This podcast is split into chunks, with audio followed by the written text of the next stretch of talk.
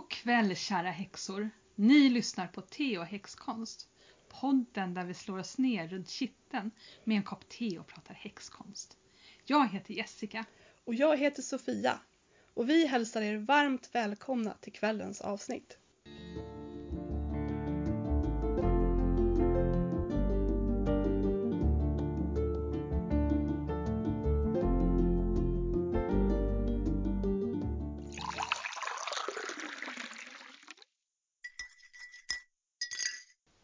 Dricker du för te Jessica? Jag dricker ett te med det fantastiskt vackra namnet Mareld. Och det är ett grönt te med smak av hallon och blåbär. Och det här är favoritteet hemma i min stuga. Mm. Vad dricker du för någonting? Jag dricker helt vanligt Earl Grey te idag. På påse dessutom. En klassiker. Ja, alltid en klassiker. Mm. Mm. Jag känner en person som tycker om svart te, starkt te, men inte Earl Grey för hon gillar inte bergamott. Aha. Och det kan inte jag riktigt förstå hur man kan störa sig på bergamott. Nej, det är ju jättetrevligt. Jag kommer ihåg en väldigt störig diskussion i en Facebookgrupp jag var med i. Där folk diskuterade, det var någon som frågade efter det mest smaklösa teet man kunde tänka sig för hon skulle servera en person som, som inte gillade liksom starka smaker. Mm. Och då var det många som föreslog Earl Grey och jag blev bara Va? Men alltså Earl Grey har ju, det är ju jättegott. Ja. Hur kan man tro att det är så generellt liksom tråkigt te? Ja precis, för det har ju ganska mycket smak. Ja, Men, men då tänker säkert folk att det, det är, är liksom mainstream normal te som Mm. inte sticker ut på något sätt. Men, Nej. men om man aldrig har druckit te så är det klart att det sticker ut. ja och sen finns det ju liksom te och te. Köper man liksom Eldorados 100-pack Earl Grey-påsar så kanske Ja. inte det är lika gott Eller- som... Earl Grey som man får på rummet i, på ett B&B i England. Åh. Där vi har varit. Mm. Mm. Ja, vad ska den här podden handla om då? Ja, te och häxkonst. Ja, alltså det det är... What you see is what you get. Det här kommer att handla om te och häxkonst, inte mycket mer. Och det är ju lite det vi gör när vi, träff- när vi träffas tänker jag. Ja, Vi dricker te och vi pratar om häxkonst. ja precis. Så eh, ni blir helt enkelt en fluga på väggen i våra svamliga diskussioner. Förhoppningsvis. Ja. Det låter jättebra. Vad har du gjort för, för eh, häxgrejer på sista tiden? Ja, det var ett tag sedan faktiskt. Eh, I september så gjorde jag en... Det var dagen före någon mörkermåne tror jag. Så gjorde jag en så kallad cord cutting. Eh, där jag eh, helt enkelt gjorde mig av med lite gamla dåliga minnen. Och eh, jag måste säga att det har haft en väldigt bra effekt. Men det intressanta var ju att när jag träffade dig dagen efter så sa jag så här, vad, det, du strålar, vad är det som har hänt? Ja. Eh, och då var det verkligen det. Det var som att du bara hade släppt massor med eh, skräp och jobbiga grejer. Mm. Det var en sån synlig eh, förändring verkligen. Mm. Ja, men jag vet inte riktigt vad som hände men det var en väldig kraft i den. Mm. Mm. Jätteskönt. Mm. Och sen i samband med det också så gjorde jag lite ljusmagi. Så när månen började växa igen så hade jag gjort i ordning ett ljus med eh, lite olja på och lite inristningar som eh, stod för förlåtelse. Och det ljuset tände jag sen varje kväll medan eh, månen växte så att jag skulle kalla till mig förlåtelser. Åh, vad fint. Och det är så fint tänker jag också att göra när man har släppt någonting. Att man på något sätt gör, eh, om man har varit nere och grottat i de mörka och jobbiga sakerna Mm. och släppt saker. Att man sen eh, lyfter det på något sätt. Mm. Eh, antingen att man tar in någonting som man vill ha i sitt liv. Eller sådär att man liksom tänder ljus för förlåtelse. Mm. Det var jättefint tycker jag. Mm. Det, var, det blev en väldigt bra kombination det där med att först göra sig av med någonting precis innan eh, nymånen och sen vid nymånen börja dra till sig någonting. Mm. Att liksom verkligen följa den här liksom månens cykel. Att först så blir den mindre och mindre och mindre och mindre och sen börjar den växa igen. Mm. Det var väldigt effektivt. Mm. Vad fint. Verkligen ta tillvara på de eh, energierna. Mm. Ja. Vad har du gjort för någonting? Vad har jag gjort för någonting? Nej, men det, det mest roligaste jag har gjort det är ju att jag var på den här fysiska seansen. Ja! Eh, och det har jag aldrig gjort förut. Och där var det saker som flög runt i rummet och det var eh, röster som dök upp där det inte var några människor. Eh, och eh, ja, det, det, var, det var väldigt spännande. Vi satt tre timmar i ett rum och bara ehm, och det var ett medium då som också tog in andar i sig och pratade som dem. Men sådana saker har jag sett förut och även när saker och ting rör sig av sig själva har jag också varit med förut. Men det här med att det kom en röst där det faktiskt inte var någon människa, det var, det var sånt här wow, oh, wow, det är verkligen på riktigt. Så. Och så annars så, så håller jag på lite grann med trumresor just nu. Jaha, Ja. vad kul! Så att jag eh, har på, på Youtube hittat så här trum, en kvarts trumning. Och eh, ger mig iväg på trumresor. För det som jag, eh, som du vet att jag har hållit på lite grann med, det är de här tre världs... Eh, de tre världarna, så under jorden, jorden och den övre världen. Som är ganska typiskt i, inom shamanismen. Ehm, men som också finns i, i den fornnordiska tänker jag med Yggdrasil och de rötterna med nornorna och allting sånt. Och att man går liksom ner i den undre världen för att lösa upp saker och lösa upp eh, det förflutna eller liksom rätta till grejer.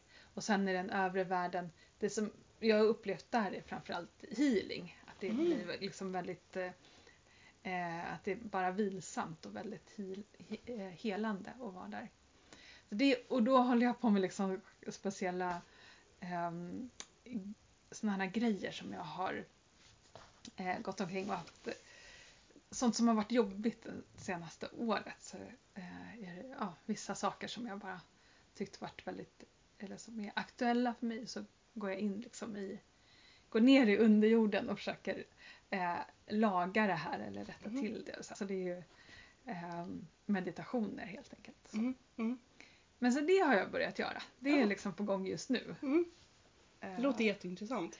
Ja, jag är så sjukt dålig på att visualisera bara. Så att eh, man ska gå någonstans. Så, till exempel, ett problem som jag har, det är att det alltid fastnar i dörrar. Man ska alltid, när det är så här guidade meditationer, då ska man alltid gå eh, och du kommer till en port och gå igenom den porten och jag fastnar. Jag kan liksom inte få bort porten.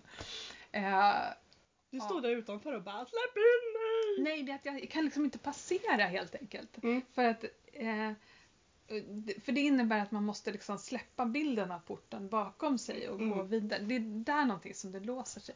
Och jag, jag ser jätte, jättedåligt också. Men det går ju att öva upp.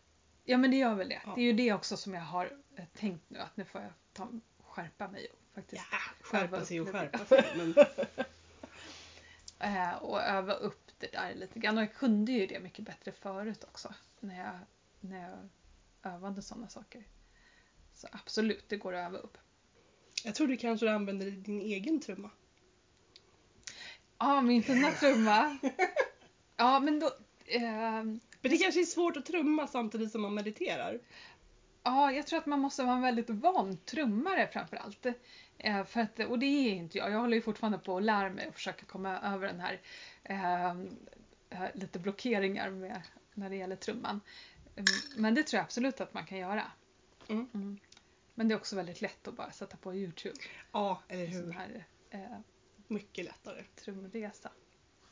Jag brukade sätta på såna här eh, inspelningar av rinnande vatten. Mm. Det alltså, det är väldigt avslappnande Ja. måste jag säga. Just det. Mm. Ja men gud ja, verkligen. Mm. Vad fint. Mm. Och sen så har vi ju plockat örter båda två i sommar. Mm. Det är ju ja, häxigt. Verkligen. Mm. Verkligen. Du brukar ju hitta mycket mer än vad jag gör. Ja. Ja, men... Nej, Jag menar alltså mera sorter.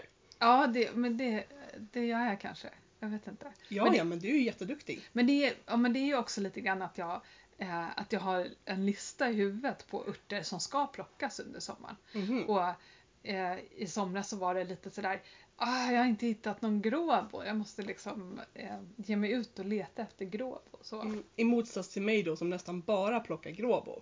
Ah, ah, okej, är det sant? Ja. För att det är där, den, en grej som jag har lärt mig att känna igen och det, liksom, det växer som gräs här liksom, i förorterna. ah, Vid, liksom, vid alla gångvägar och ängar och, och sånt där. Ja. Så jag hittar det överallt här.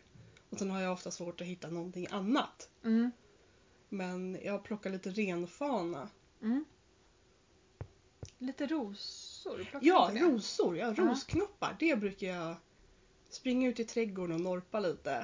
För det tycker jag är trevligt också att ha som offergåvor till eh, Ja. gudinnor. ja, det är ju Torkade jättefint. rosenknoppar. Ja.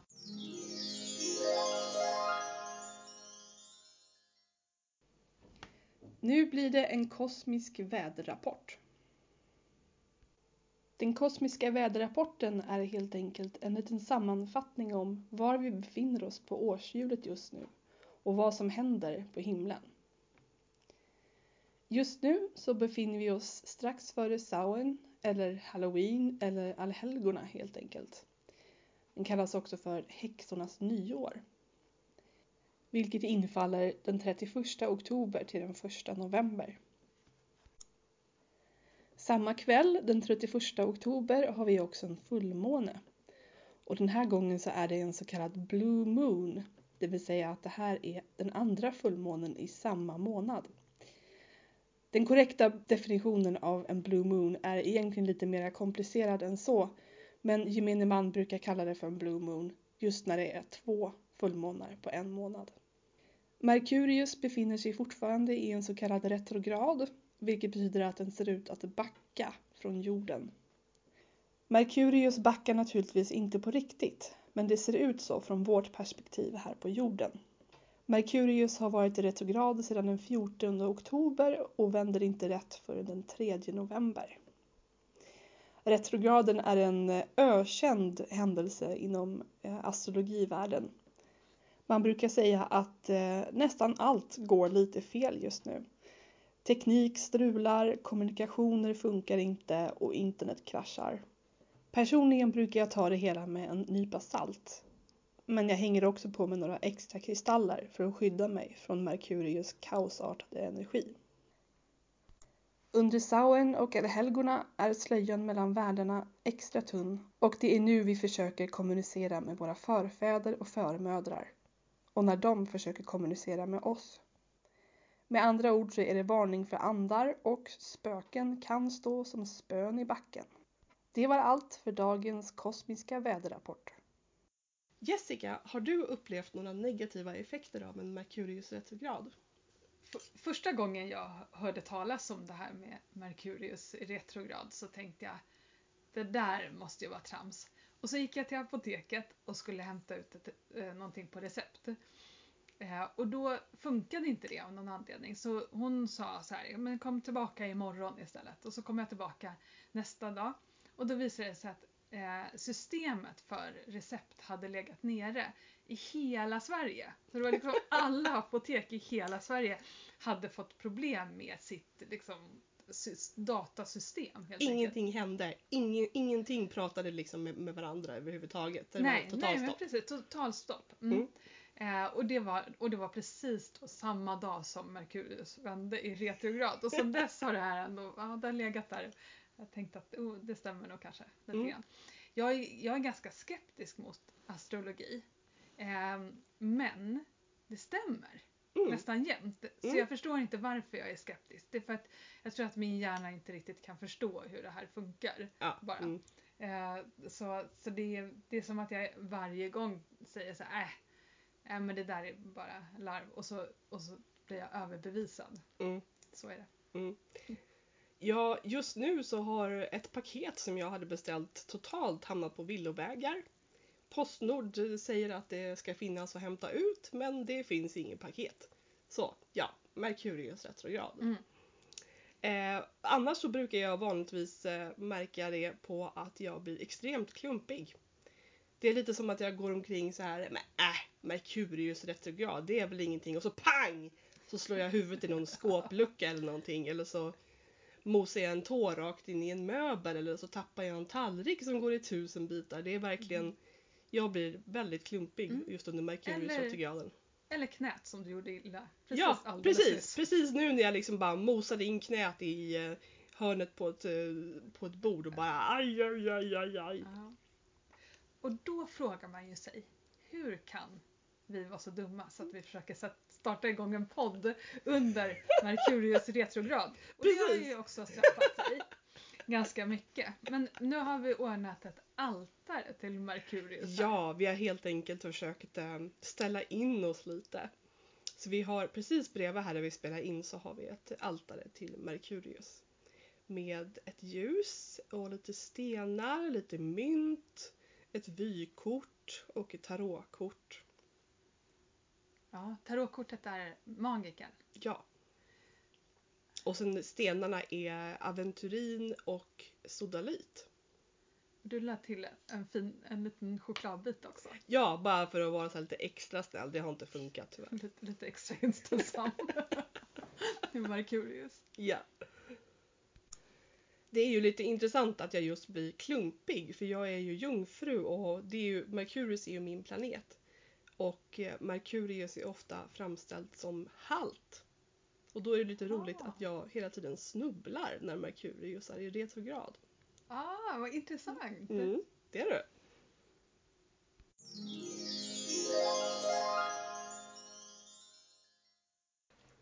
Mm, det som jag tänkte på är det här med hösten. Att det är eh, att på hösten så ska man rensa ut och man ska släppa saker och man ska städa. Och städar du på hösten?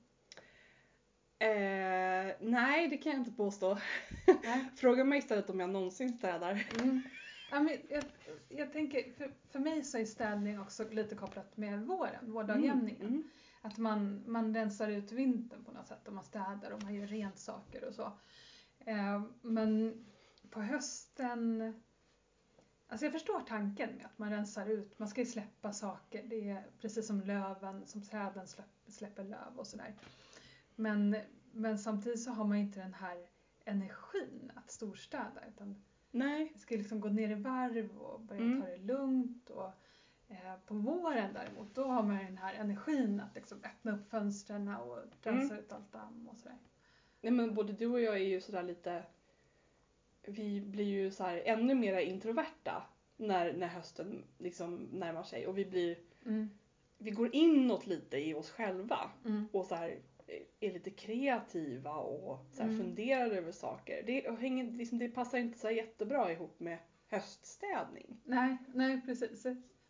Men jag gillar ändå tanken på att man, Mm. man liksom rensar ut saker på hösten. Men det funkar inte riktigt med min sinnesstämning. Nej, jag tänker ju snarare sådär efter inbolk någon gång i februari. Eller hur? Ja. Då är ju så här nya året på gång och man så här, solen börjar komma tillbaka lite. Då kan man liksom sätta igång och ja, men precis. storstäda. Ja, man börjar liksom... Det kanske man borde storstäda då mer än en gång om året. Men Ja.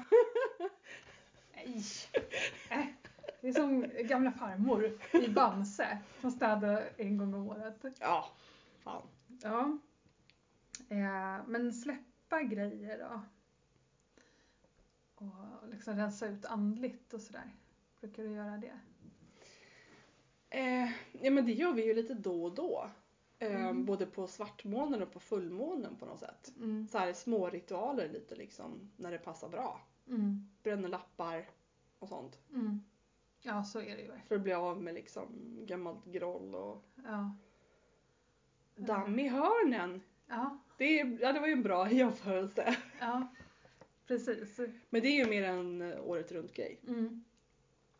Precis. Och också så här att man eh, ja, men bränner salvia eller eh, vi har börjat med så här en, en rust, ris och enstavar och sånt Ja. där. Mm. Eh, men det gör jag typ Ja, jag höll på att säga att det gör jag varje gång jag har dammsugit. Men det stämmer faktiskt inte. Men ehm, jag, jag brukar göra det ibland när jag har dammsugit. Mm. Att man går runt med liksom rökelse och sådär och, och lite, viftar lite grann och Ja. får ut dåliga energier. Jag har haft det som en plan. Men då måste man ju verkligen storstäda i vartenda liksom vrå och skrymsle. Mm. Och det har inte jag riktigt haft energi att göra på sistone.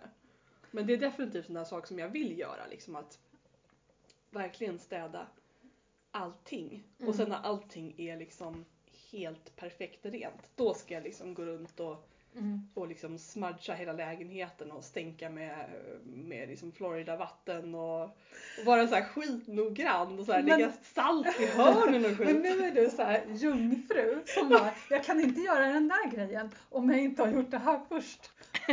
Och gjort det helt perfekt. Ja men det känns lite som slöseri med, med, med tid att liksom gå runt och göra så när det ligger liksom dammråttor i hörnen. Ja, jag förstår. Men absolut. För så känner jag också lite grann. Men, eh, ja, så det är därför jag tycker om liksom, att göra det efter jag har dammsugit. Ja, jo men det är mm, Mm. absolut. Mm. Ja. Mm. Och gärna lite så här eh, sprayar eterisk olja också. Ja, mysigt. Eh, utspädd så. Mm. Eh, för att lyfta energierna. Ja. Mm. Annars då, vad gör du på hösten? För. Mass, massor med saker. Jag älskar hösten. Det är ju, alltså, jag är en sån person som helst liksom gömmer mig inomhus med neddragna gardiner när det är sommar och varmt. Så, så fort det blir höst och jag kan liksom ta på mig lite tjockare kläder och njuta av skogen så går jag liksom ut och alltså, titta på löv, samla löv, plocka pinnar. När alla härliga kastanjer kommer och man Mm. kan liksom så här plocka kastanjer på, på marken och ekollon och det är så härligt liksom med, med hösten ute i skogen. Mm. Färgerna och den klara luften. Pyssla, Mm. jättetrevligt. Mm. Det är ju det är nu på hösten man verkligen kan passa på att mysa in sig. Mm. Eh, Men det är ju det också, om man är, när man är introvert mm, så är det, det är så otroligt mycket mer okej att eh, stänga in sig och bädda ner sig under ett täcke när det är höst och vinter mm, än vad det är när det är sommar. Då, eh, det blir lite märkligt på något sätt, eller man måste försvara det hela tiden. mm, Att, mm, men på hösten så sitter ju alla med en kopp te i soffan och kollar på Netflix liksom, mm, och äter choklad. mm. Ja, eh, tända ljus. Ja men Det är absolut. jättetrevligt att man kan Ja. börja tända ljus igen. Mm. Det kan man ju göra på sommaren också men, men ehm, Äh, inte när det är 30 grader. Nej men precis, det blir lite meningslöst också när det är ljust. Ja. Men jag tänker att tända ljus med en intention är ju eh, det är ju alltid värdefullt. Men, Mm. det, men bara tända ljus för stämning, då behöver Mm. man ha lite höst, höstmörker. Jo men jag har haft någon sån tradition faktiskt. Det är några tv-serier som jag har följt. Och då har det varit liksom en grej att eh, Oh, nu är det dags för Game of Thrones. Nu ska jag tända lite ljus. Och så, Ja. så här radar jag upp liksom ett antal ljus och så tänder jag dem. Eh, ofta så här liksom när vignetten börjat gå. Och så Ja. släcker jag lamporna och så har jag kaffe och Ja. sådär. Väldigt mysigt. Det var fint att göra som en ritual kring Mm. tv-tittandet så att Mm. det inte blir bara slött utan det blir liksom lite aktivt. Mm. eh, Ja men just liksom ett par serier som har varit sådär som jag också har följt liksom i realtid på Mm. På SVT liksom, så det har varit ett avsnitt i veckan. Mm. Då blir det så lite speciellt att liksom Ja men det blir ju det. skämma bort sig lite liksom, när det ändå är, när Ja. det är dags. Man har nästan glömt bort hur det var. Ja, eller När man hur? väntade på Dallas hela veckan. Nu är Och där. Mm. avslöjade jag hur gamla vi är. Ah, oj, oj, oj. ja. Men vad brukar du göra på hösten då? Ja, men vad brukar jag göra? Alltså jag brukar ta in eh, höstlöv. Kanske framförallt lönnlöv för de är så otroligt vackra och det går inte att sluta plocka dem. Mm. Och eh, låta dem torka i mellan tidningspapper. Mm. Och sen använder jag dem som de- dekoration. Mm. Jag brukar ta eh, vanlig sytråd och så knyter jag fast löven i sytråden och då kan man hänga den eh, som girlanger liksom, över fönstren och på hallspegeln och sånt där. Jag tänker att det borde skrumpna ganska snart. Gör det inte det?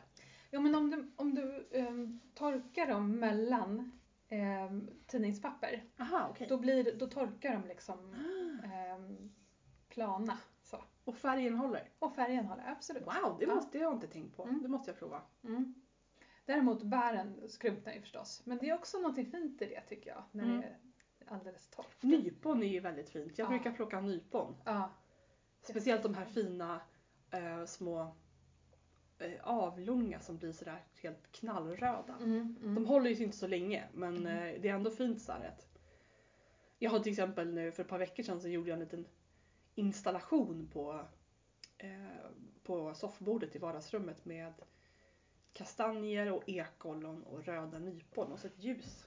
Ja, och den är jättefin. Den är Mm. så fin. Nu har no- nyponen skrumpnat men det är ändå så här fint. Vi får ta ett kort på den och lägga ut. Ja på absolut, det ska vi göra. Instagram eller någonting sånt Mm. där. Ehm, ja, jag tycker också att det är mysigt med traditioner. Alltså jag tänker på hur mycket traditioner vi har kring julen. Eller kanske inte traditioner men att vissa saker luktar jul. Mm. Om man har en jullåt i, i juni, det är ju jättekonstigt för Mm. man får den här julstämningen. Och det här har jag verkligen försökt få till kring de här åtta eh, keltiska högtiderna. Eh, Men det är ganska svårt. Men någonting som är för mig är verkligen hösten, det är kanel. Ja. Mm. Så då får jag den här eh, känslan av höst. Den är ju lite julig också men väldigt mycket höstdoft så. Så då försöker jag ha kanel i saker och ting. Mm. Mm. Och äpplen. Mm. Ja, min mamma hade köpt eh, eh, riktig jul, inte julmust, herregud, Mm. äppelmust. Åh, ja. Och det var jätte, alltså inte, och inte sån här söt heller utan sån här liksom normal, eller vad säger man, vanlig äppelmust. Osötad. Ja. liksom. Mm. Och det var verkligen, det var jättegott och jag bara stod där på en gång och bara, ja men det här borde man ju värma upp i en gryta och ha lite så här, lite kanel och lite kryddor och Ja. kardemumma, ingefära Ja. och så värmer man upp det och så sitter man och dricker. Och det man, man måste göra då, då det är att man liksom häller i de här kryddorna med en intention. Ah, ja, Eller hur? bättre. Så kanelen då till exempel står för, eller har de egenskaperna att eh, det skapar, alltså så här. Kanelen används till eh, kärleksmagi och till pengamagi.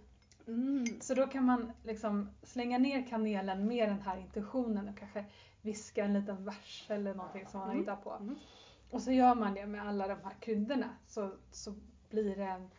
Åh, kommer du ihåg när vi gjorde eh, vi faktiskt gjorde en brygd på, Ja. ute i skogen Det på jag ihåg. Sowen ett år. Och då hade vi, en, vi hade lite olika ingredienser. Det var bär och det var kryddor och, och lite sådana saker. Mm. Och så då hade vi, jag tror att det var äppeljuice som Mm. bas. Mm.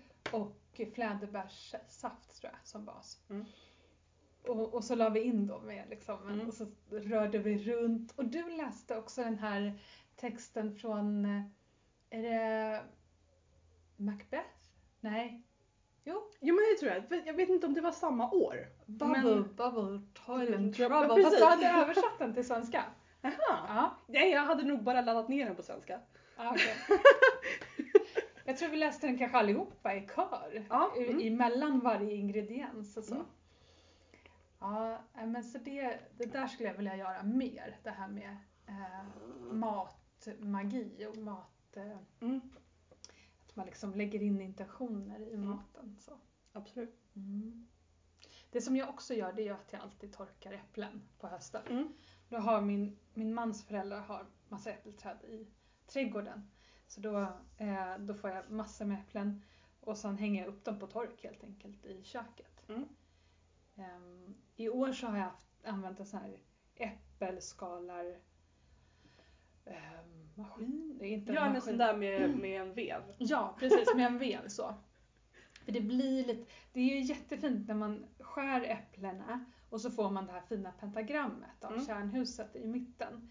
Men det, det är lite i vägen när man ska äta eh, de torkade äpplena sen. Så, så det blir lite, lite bättre när man får så här spiraler av Mm. äpplen och, och hänger upp på tork. Mm. Så blir det jättegott. Och sen så brukar du ge mig en påse också. Och det har jag helt glömt bort i år. Nej det är ingen fara. Ehm, Jag tar med en till nästa gång vi Ja. ses. jag tycker de är, jag, bra, jag har faktiskt eh, använt dem till eh, små offergåvor till Mm. Kate. Mm. Så att jag liksom, jag samlade ihop lite lite örter och sånt som jag lägger i min lilla skål, min offerskål och sen så även några äppelskivor. Mm. Ja, för de blir ju så fina Mm. när det är pentagram. Men då ska du få sådana med pentagram i mitten. För jag har Okej. några sådana. Ja, promenader i skog sa du, men jag tänker också kyrkogårdar. Det är Ja, så absolut. härligt. Ja. Eh, Det kan man ju i och för sig göra året om, men det är lite extra stämningsfullt så här Ja, på så här mot. Samhain. Mm. Mm, eller allhelgona Ja. för den delen. Ja, Det är ju lite samma sak. ja, och när ljusen börjar komma upp på gravarna. Ja. Ja. Ja, Men jag tycker det är fantastiskt. Det är alltså en av mina favoritdagar liksom på året när man kan gå till kyrkogården och det är liksom ett hav av ljus överallt. ja. Speciellt då jag bor i närheten av Skogskyrkogården. Mm. Eh, Och det brukar ju vara helt fantastiskt om än lite mycket folk. Mm. Ja, där, där kan det vara ganska mm. trångt. Men väldigt mysigt. Mm. Ehm, och det slog mig för några år sedan att det är så himla fint att se alla de här ljusen för det Först kan man ju tänka så här att ja, men varje ljus representerar en död människa. Och så Mm. blir man lite deppig. Men sen så tänker, tänkte jag så att jo men det representerar ju också att det finns folk kvar som fortfarande tycker om dem och älskar dem. Mm. Varje ljus har ju liksom tänts av en person som fortfarande kommer ihåg och minns den här personen. Mm. Och det tycker jag är väldigt fint. Ja, men det är jättefint verkligen. Mm. Ja. Ehm, visste du att det inte är en svensk tradition från början? Nej, eller jag kanske har hört någonting om det men, ja, men det är intressant. Ja, det det kom, med på 50-talet eh, med Ah. italienarna. För vi hade en så här stor arbetskraftsinvandring av eh, italienare på 50-talet. Mm. Eh, och de kom med den här traditionen att tända ljus på gravar. Man tror ju att det är liksom våran, om man jämför med halloween och halloweengodis och pumpor och, Mm. eh, och trick or treat och sådär. Så bara, men våran fina svenska tradition att tända Mm. ljus på gravar men egentligen är den italiensk. ja, Sofia, har du mer än något bra häxtips så här till hösten? Jajamän. Eh, jag tänkte tipsa om att klippa håret när månen är i nedan. Ah. För det har jag nämligen eh, hållit mig till de här senaste gångerna. Ja, vi är ju mitt i en coronapandemi som ni säkert vet vid det här laget och ja, det är inte så många som går och klipper sig. Eh, och i april så blev jag fullständigt desperat och eh, gjorde lite research på Youtube, stod fram, tog fram stora saxen och klippte mig. Och då har jag hållit mig på schemat att jag alltid klipper mig när månen är i nedan. Och jag måste säga att det funkat väldigt bra för mig. Det växer som gräs. Jaha, men jag trodde att det var tvärtom faktiskt. Att man Jaha. skulle klippa sig när, när månen växte för då kommer håret växa. Intressant, för jag tänker på det som att man gör sig av med någonting. Ja, Och då passar ju månen i nedan väldigt bra. ja men det är faktiskt sant. Ja. Mitt eh, häxtips är att klä ljus. För jag tänker att vi vandrar genom underjorden eh, Eh, under den här mörka perioden och kanske blickar inåt och möter det som är lite jobbigt inom oss. Och då tänker jag att man ska ha ett ljus med, med sig. Och det här gjorde vi på healingkvällen för några veckor sedan. Eh, och det funkar med att ha ett vanligt, ett vanligt eh, sånt här stearinljus eller sånt som man eh, köper i affärerna. Eh, och så kan man smörja det med olja, vanlig matolja. Om man vill så kan man ha lite eterisk olja i det. Eh, man kan också låta olika saker dra i oljan. Så att om man eh, till exempel lägger i man häller det i en skål och så lägger man i typ kastanjer och ekollon och lite, eller vad man vill. Kristaller kan det ju vara också som ger sin energi till oljan. Och så smörjer man ljuset med det. Och sen har man på örter och olika saker, det som man vill då, på ljuset. Och så klär man in det i sin intention och då kan det vara kanske trygghet och kärlek och värme och vägledning och sådana saker. Um, någonting som jag... Ett tips är att ta äggskal och uh, mortla det. Uh, cascarilla heter det va? Tror jag, på spanska. Mm. Och Och, eh, och det står då för beskydd och trygghet. Och ängskal är även fruktbarhet, alltså om man vill manifestera saker eller få fram saker. Och salt kan man ta också. så. Och, och, och örter och så mortlar man ihop allting liksom, till en enda, eh, ett pulver. Så. så man, och, och när man har eh, smörjt ljuset i olja så fastnar det ju väldigt lätt på ljuset. Så.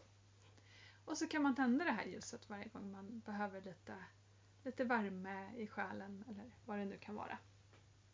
Skulle man kunna göra med eh, rulla vaxplattor och ha grejer inuti?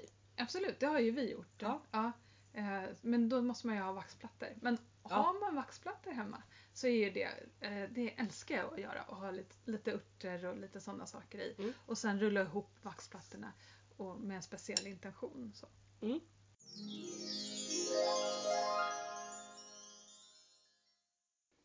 Mm, en historia som är vanlig så här års är den grekiska berättelsen om Persefone. Och den handlar om en flicka som blir bortrövad och om en mor som är otröstlig. Det är Demeter som är växtlighetens gudinna. Och hennes dotter blir bortförd till underjorden av guden Hades. Och då sörjer hon så djupt att inget på jorden kan växa. Till slut så måste Persefone föras tillbaka till Demeter så att jorden kan återfå sin livskraft. Men eh, eftersom Persefone har ätit en liten, liten kärna från ett granatäpple så är hon bunden till underjorden. Det kompromissas och hon tillbringar en del av året hos Hades och en annan del hos Demeter. Och den här myten används ofta i modern häxkonst för att symbolisera årshjulet. Persefones tid i underjorden representerar vintern och hennes tid hos Demeter är sommaren. Men på senaste tiden så har häxor börjat vända på historien och fundera på vad som händer om vi inte ser Persefone som ett passivt offer. Om den här berättelsen istället handlar om förälskelse och frigörelse och om att kliva fram i sin fulla kraft. Och här är en tolkning av berättelsen. Flickan och döden. Det här är inte en kärlekshistoria eller en skräcklegend. Den handlar inte om ett offer eller om självsvåldiga män. Den har inget lyckligt slut. Eller ett olyckligt för den delen. Den bara är. Som månen är den evig. Berättelsen börjar med en flicka som heter Kåre. Hon och hennes vänner plockar blommor på en äng. Oskuldens tid råder ända på jorden och gudarna styr från Olympen. Luften är parfymerad av blomdoft och solen värmer med sitt gyllene sken. Skratt klingar i sommargrönskan. Under ett träd växer en blomma som Kåre aldrig har sett förut. Lysande som en stjärna med en krans av bleka kronblad. Kåre kan inte motstå den egendomliga blomman. Hon plockar den och inget är längre sig likt. Hon drar förskräckt efter andan. Världen gungar till under fötterna och solen försvinner bakom hotande moln. Narcissens doft slingrar sig in i näsan och dränker allt annat. Hon står som trollbunden och huvudet fylls av viskningar. Narcissen talar till henne. Vem är du? Vem är du? Vem? Vem, vem? Kåre slår händerna över öronen men har inget svar. Tårar väller upp i ögonen och hjärtat dunkar i panik. Vem är jag? Vem är jag? Jag är Kåre, flickan. Men är det allt? Varför har hon inget svar? Marken häver sig i vånda, skakar och vrider sig. På avstånd ekar skriken från vännerna som flyr för sina liv. Hon hör sin mor ropa, ser henne komma springande vid ängsbrynet, ansiktet fullt av skräck. Men inget av det spelar någon roll. Corey vänder blicken mot marken vid hennes fötter och vet vad som kommer härnäst. När en avgrund öppnas framför henne blundar hon, tar ett steg framåt och faller. Mörker, nattsvart mörker. Hon hör ljudet av forsande vatten, ett avlägset dånande. Hon vänder sig om och står öga mot öga med döden, Hades. Han borde vara en skräckinjagande figur, men hon är inte rädd. Narcissens fråga brinner fortfarande inom henne och hon vet att hon för svaret på den skulle färdas bortom till och med underjorden. Dra ut i krig mot världens alla gudar, slita hjärtat ur kroppen. Inget pris är för högt för att känna sin egen själ. Hades sträcker ut en hand och hon tar den. Han kysser fingrarna med iskalla läppar och leder henne djupare in i mörkret. Uppe på jorden sörjer gudinnan Demeter förlusten av sin dotter. Gräset gulnar och växterna vissnar och en flod av salta tårar dränker de bördiga åkrarna. Demeters jämmer och klagan förvandlar det som var ett paradis till en stel och steril öken. Till slut får både människor och gudar nog. Zeus förbarmar sig över Demeter och skickar gudinnan Hekate för att söka efter flickan. Hekate beger sig ner i underjorden med sin fackla och letar länge och väl. Sökandet leder henne ända till Hades hov. Och där, på tronen bredvid döden själv, sitter en ung kvinna i blodröd klänning med en skimrande krona på huvudet. Ett fat vilar i hennes knä. Fingrarna är röda av fruktsaft. Borta är den vilsna flickan som inte visste vem hon var. Persefone är ett helt annat väsen. Hon stiger ner från sin tron och följer Hekate och hennes fackla upp till jordens yta igen, tillbaka till livet. Hon välkomnar solen och omfamnas av sin mor. Återigen gråter Demeter, men de här tårarna väcker jorden till liv. Gyllene säd fyller åkrarna. Skogen grönskar och ängarna slår ut i blom. Cirkeln är sluten. Men Persefone har ätit av vishetens frukt och är dömd att återvända. Hon har stått öga mot öga med döden, konfronterat mörkret i sin egen själ och hon går inte oskadd ur striden. Precis som granatäpplet färgar läpparna röda fläckas låren av månblodet, livets blod. En gång om året återvänder Persefone till underjorden för att skåda in i sin själ och Demeters klagan förvandlar återigen jorden till is. Och en gång i månaden, som ett eko, stiger månen in i mörkret och återigen flödar blodet. Oskuldens tid är över. Det var allt för den här gången, kära häxor. Vad tycker du om hösten? Brukar du göra något speciellt? Hör gärna av dig och berätta. Du hittar oss på teochhackskonst.wordpress.com Hackskonst med A. Eller på Instagram snabela teochhackskonst. Du kan även mejla oss på teochhackskonst gmail.com. Vi är tillbaka om tre veckor, den 20 november.